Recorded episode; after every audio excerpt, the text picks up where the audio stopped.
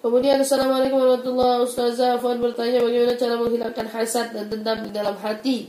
Karena pernah dilukai manusia lain. Rasanya sakit sekali Ustazah. Terima kasih. Manusia itu Yang namanya manusia Disakiti sama manusia ya Pasti sakit.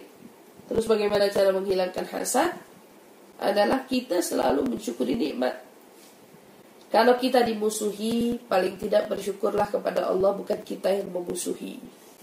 Tapi kalau seandainya kita dimusuhi, kita disakiti, lalu ingin membalas sakit, itu namanya dendam. Berarti kita dengan dia apa bedanya?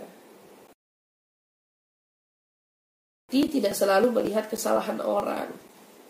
Tapi cobalah bersyukur kepada Allah.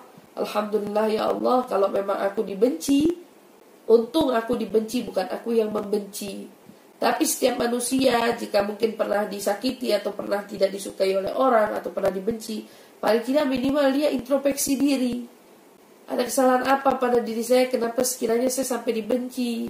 Kenapa sekiranya ada orang yang menyakiti hati saya? Apakah sikap saya dengan dia tidak layak, tidak baik? Introspeksi diri.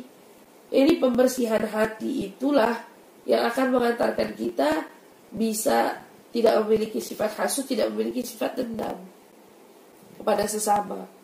Jadi pertama, jangan selalu merasa diri kita benar. Bisa jadi orang lain yang tidak baik itu kepada kita, ada satu satu dua sikap kita juga yang mengantarkan sikapnya untuk kita seperti itu. Jadi orang yang tidak hasut ada orang yang tidak pernah merasa dirinya paling benar. Itu sudah pasti. Berhati-hatilah dengan penyakit hasut. Jadi terus berusaha membersihkan diri kita dari itu semua. Kamu ingin niat menghilangkan hasad dan dendam saja itu berarti sudah ada tanda-tanda kebaikan dari Allah untuk dirimu. Tinggal prakteknya. Tinggal terus upayakan diri kita. Kalau ada disakitin, biar orang yang menyakiti. Jangan kita yang menyakiti. Bicara pada diri kita seperti itu.